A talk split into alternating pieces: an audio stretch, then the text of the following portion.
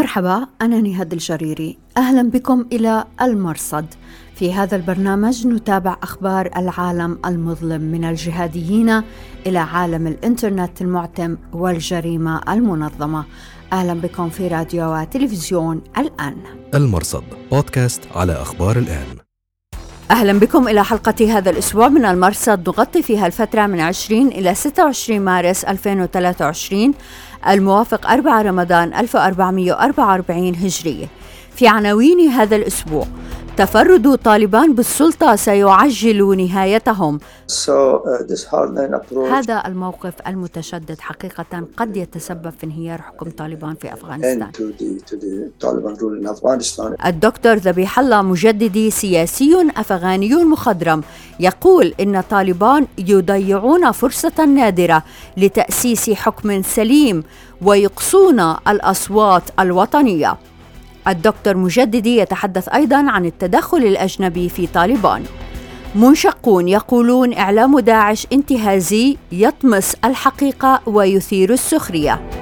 وشرعي من القاعدة في اليمن يستجدي المشايخ ويقول عودوا إلينا.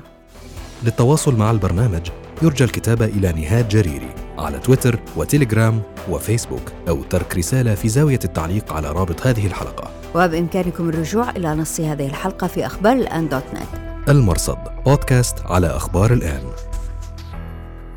أهلا بكم من جديد في أخبار الآن. في 25 مارس نشرت معرفات طالبان كلمة ألقاها زعيم التنظيم هبة الله أخنزادة فيما قالوا إنه جمع ضم كبار رجال الدين في أفغانستان. عقد الاجتماع في كابل وعليه تكون هذه أول مرة ربما يغادر فيها أخنزادة معقله في قندهار منذ سيطرة الجماعة على الحكم في أغسطس 2021 ولهذا لم تنشر صورة للرجل أو المحفل. كل ما نشر كان كلمة صوتية. على مدى ساعة تقريبا تحدث فيها أخنزادة برزت المسائل التالية. أولا يعتبر الرجل أن طالبان نموذج حوكمة لا يقتصر على أفغانستان وإنما ينسحب على العالم الإسلامي كله.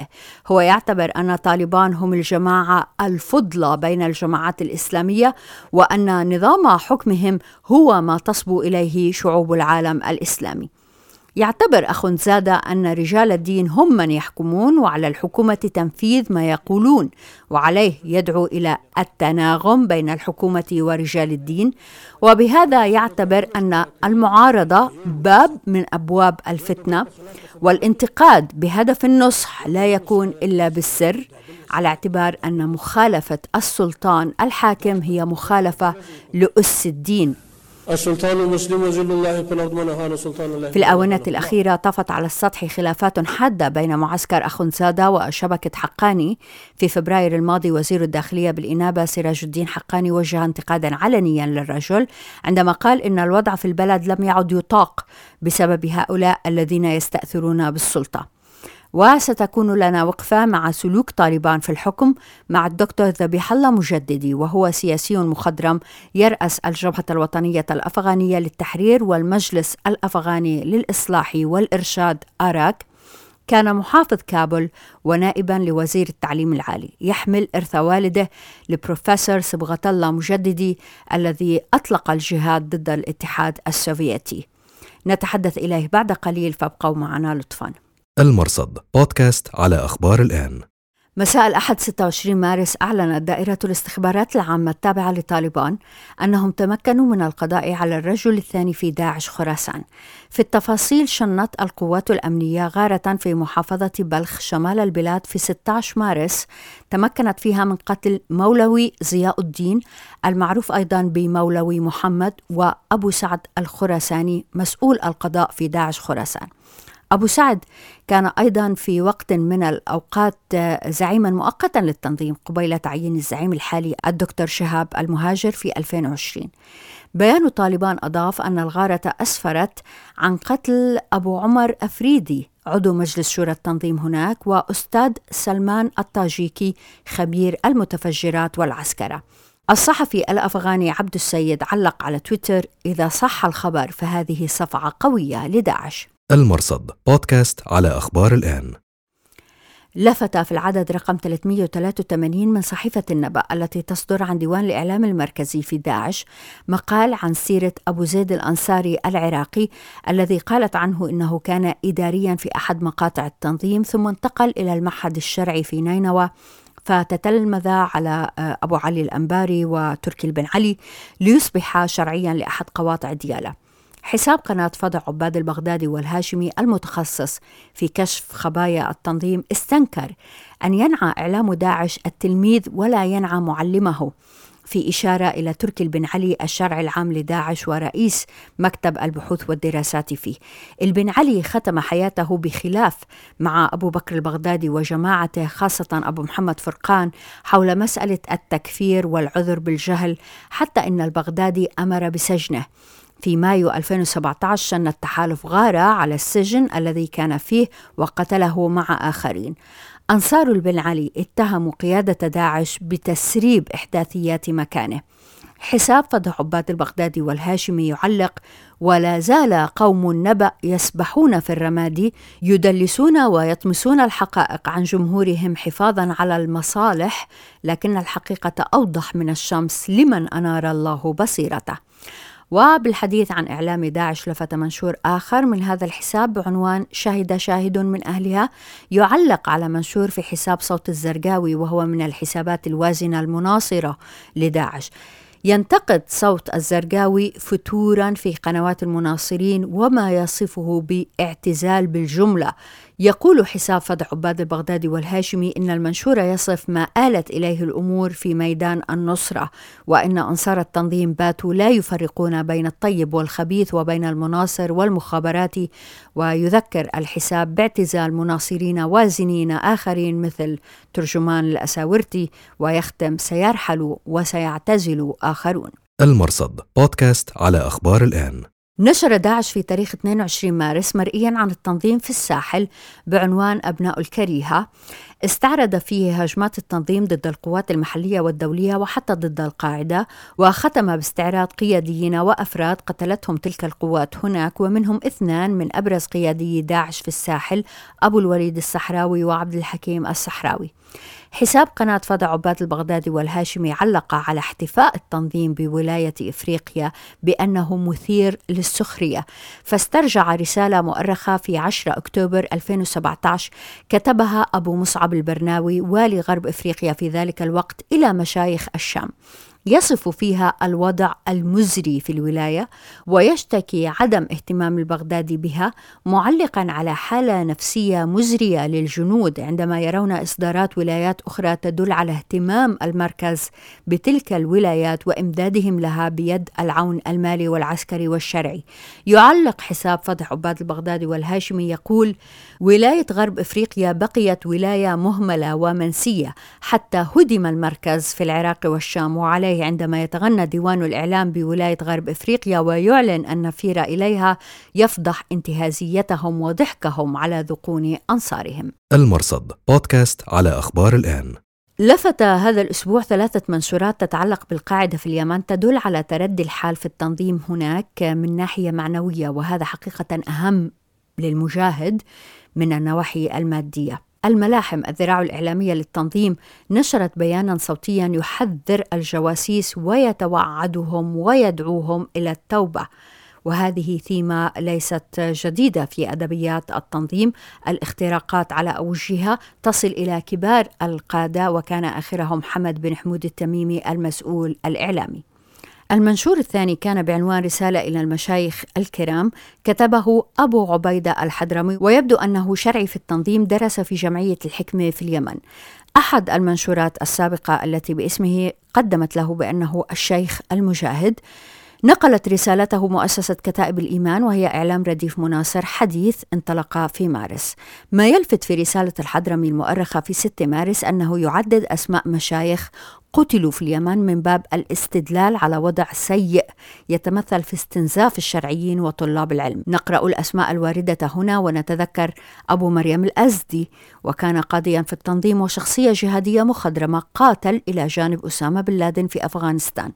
أبو مريم اتهم بالجاسوسية وأعدم في أكتوبر 2019 إعدامه كان من أسباب ما عرف بالاعتزال الكبير الذي انشق بموجبه عن التنظيم قادة وازنون أهمهم أبو عمر النهدي.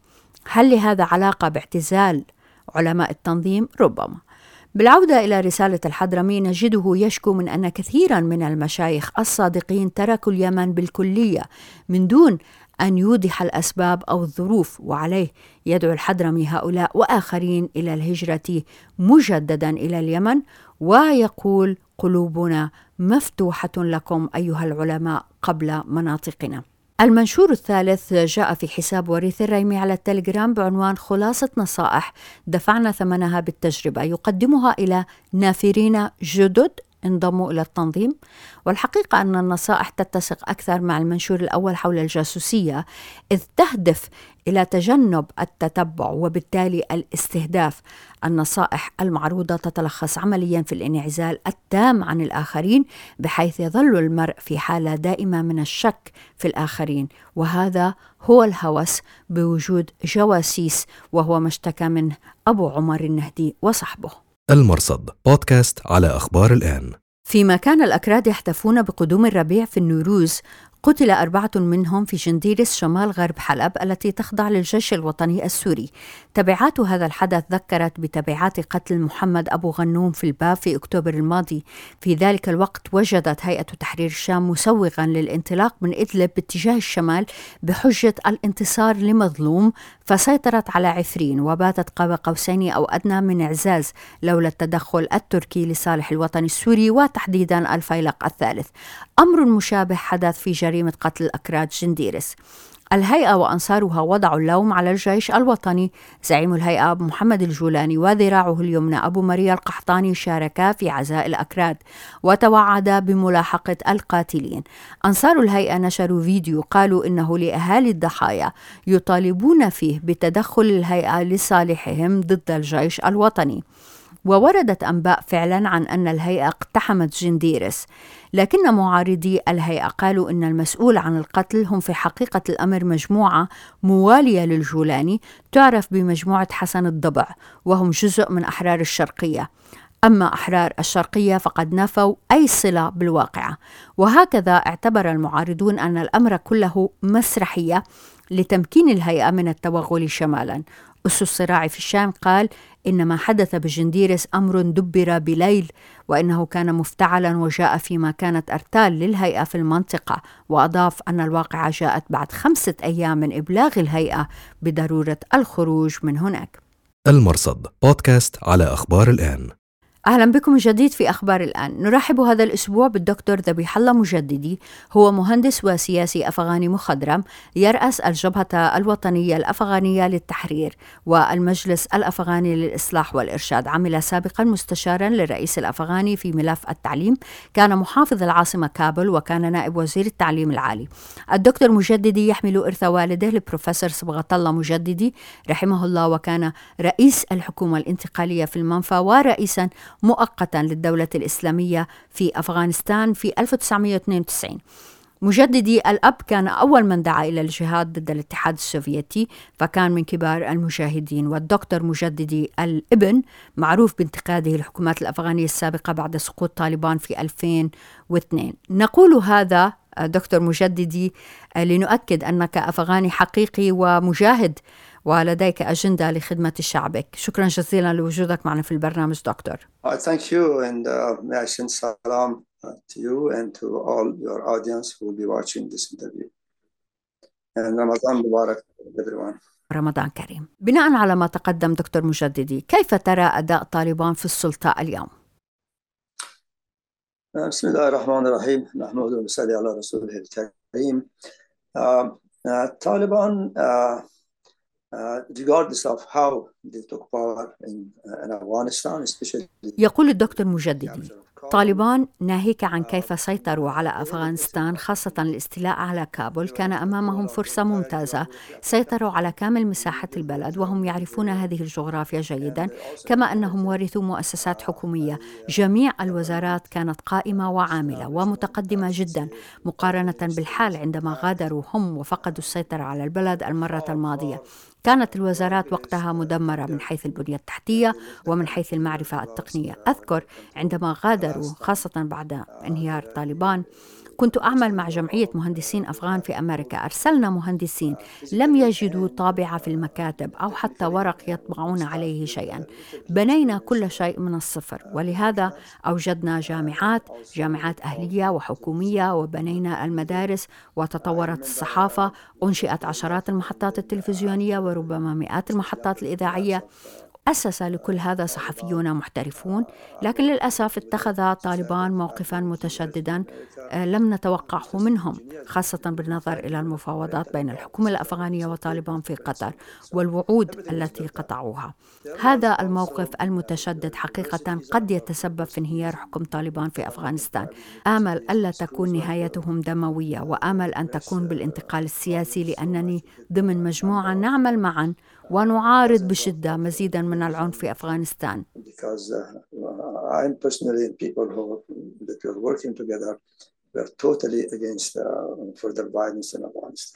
إذا دكتور مجددي حضرتك تقول أن طالبان اليوم يضيعون فرصة ثمينة.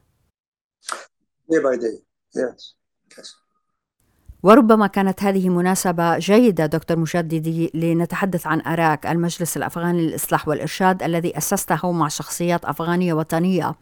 في أكتوبر 2022 نقرأ في إعلان الأهداف أنه يأتي لحل الخلافات بين أطراف الصراع في بلدك لتقديم المشورة للمعارضة لاتخاذ سبل سلمية من أجل تحقيق مطالبه المشروعة. تشجيع الوحدة الوطنية تقديم المشورة للحكومة حكومة طالبان بناء على تعاليم إسلامية لتعزيز الحقوق الأساسية. هل استطعتم الوصول إلى طالبان؟ Uh, well, to begin with, I should um, state uh, why why did we establish Iraq? Um, uh, soon after Taliban took over, يقول الدكتور مجددي أود أن أبدأ باستعراض أسباب تأسيسنا أراك. بعيد تسلم طالبان الحكم وبالتشاور مع مجلس المستشارين في حزبنا الجبهة الأفغانية للتحرير التي أتزعمها الآن. تباحثنا في الوضع القائم ووجدنا أن المسار الوحيد الواجب اتباعه من أجل خير البلد هو بفتح حوار مع طالبان وتبادل الأفكار والتواصل. هذا ما اقترحته على المجلس والحزب وافق عليه. وقررنا أن نجمع شخصيات أفغانية معا لأن حزبا واحد واحدا لا يمكنه تحقيق هذا الهدف. فأسسنا أراك التي تضم مجلسا يضم شخصيات من مختلف مناطق البلد ومختلف القطاعات الاجتماعية بالإضافة إلى زعماء أحزاب سياسية أخرى. أسسنا هذه المنظمة لتحقيق هدفين. أولا الحيلولة دون اقتتال في أفغانستان. وكما قرأت من قائمة الأهداف أن تكون معارضة إمارة طالبان الإسلامية معارضة سلمية بأن يطرحوا مطالبهم على الطاولة بدل الاقتتال.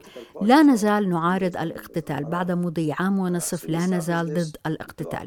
الهدف الثاني وهو أيضا مهم هو تقديم مشورة عملية إلى طالبان السلطان ومن يتحكم بالبلد في مجالات مختلفة من الحوكمة الحوكمة الناجعة والصحة والتعليم والإعمار والتنمية. لهذا أسسنا أراك. أنا الرئيس ولي عشرة نواب في عشرة مجالات مختلفة. لدينا مثلا نائب الرئيس للشؤون الأمنية والتعليم والصحة ونائب الرئيس للتنمية وهكذا. كل نائب رئيس له فريق من الخبراء أعضاؤه ليسوا بالضرورة أعضاء في آراك. قد يكون أي شخص عنده معرفة وخبرة في مجال تخصص نائب الرئيس. يوفرون رأيا مستنيرا مدعوما بالبحث ليس فقط للحكومة وإنما أيضا لمنظمات دولية تعمل في أفغانستان ودول أخرى تساعد أفغانستان بحيث تكون المساعدات ناجعة.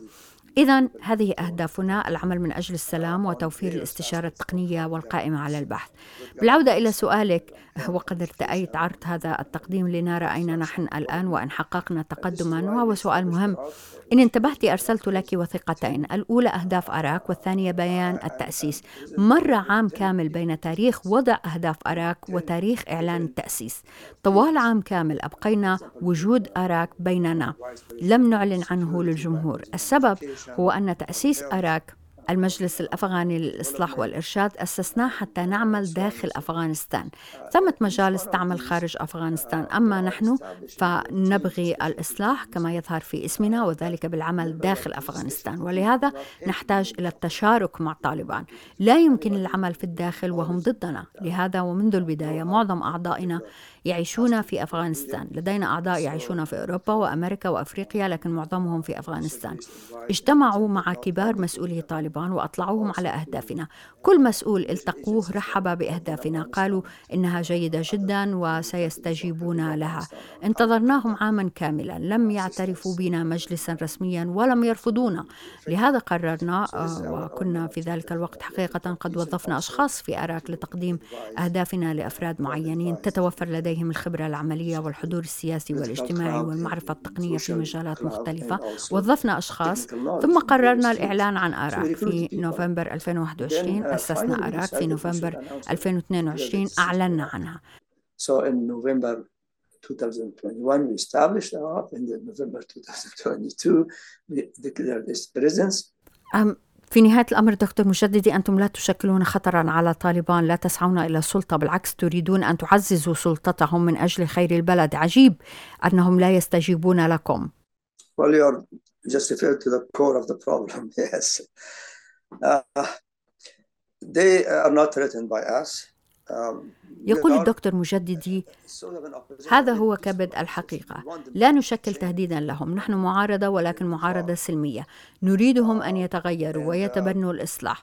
نعم ثمة أفراد التقيناهم رحبوا بعملنا قالوا استمروا عملكم ممتاز إجراءاتكم ممتازة. نعم بعضهم يرحب بنا لكن آخرين لا يتجاوبون معنا. لهذا أعتقد أنه من الحكمة أن ينتهز طالبان هذه الفرصة.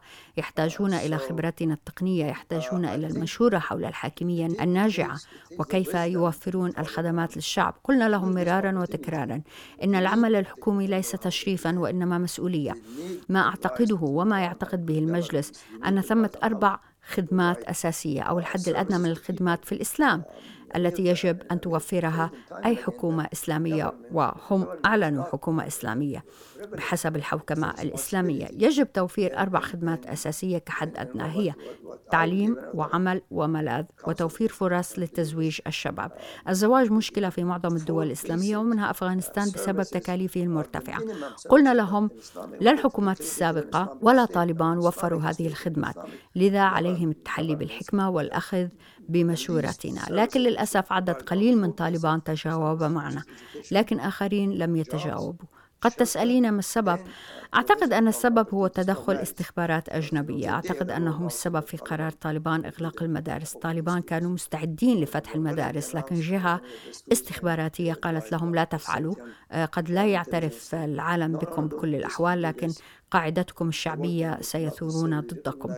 أخافوهم فاتخذوا قرارا خاطئا أجهزة استخبارات أجنبية ساعدت طالبان طوال عقود ولهم نفوذ عليهم foreign intelligence agencies that have helped the Taliban through the decades and they have a lot of influence on them. دكتور مجددي لأي درجة تستطيع أن تكشف عن الشخصيات التي تجاوبت والتي لم تستجب؟ I don't want to name anybody, but uh, يقول الدكتور مجددي لا أريد أن أسمي أحدا لكنهم تحدثوا علنا عن إغلاق المدارس ومنع المرأة من العمل. انتقدوا ذلك علنا لا أريد أن أفصح عمن تواصلنا معهم لكن طالبان يعرفون من هم.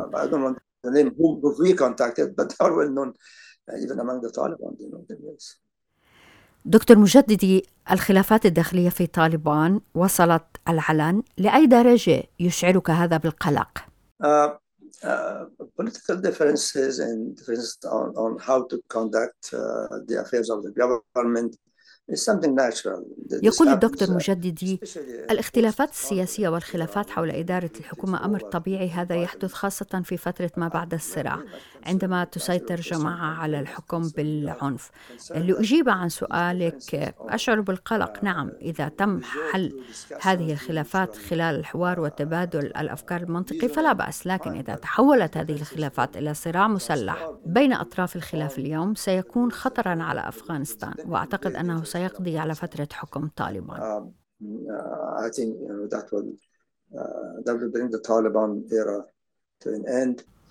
الدكتور ذبيح الله مجددي شكرا جزيلا لك ورمضان كريم Thank you. I appreciate your uh, uh, interview and the opportunity to talk with you. And Ramadan Kareem to all who watch. وشكرا جزيلا لوجودكم معنا في أخبار الآن أنا نهاد الجريري مع السلامة المرصد بودكاست على أخبار الآن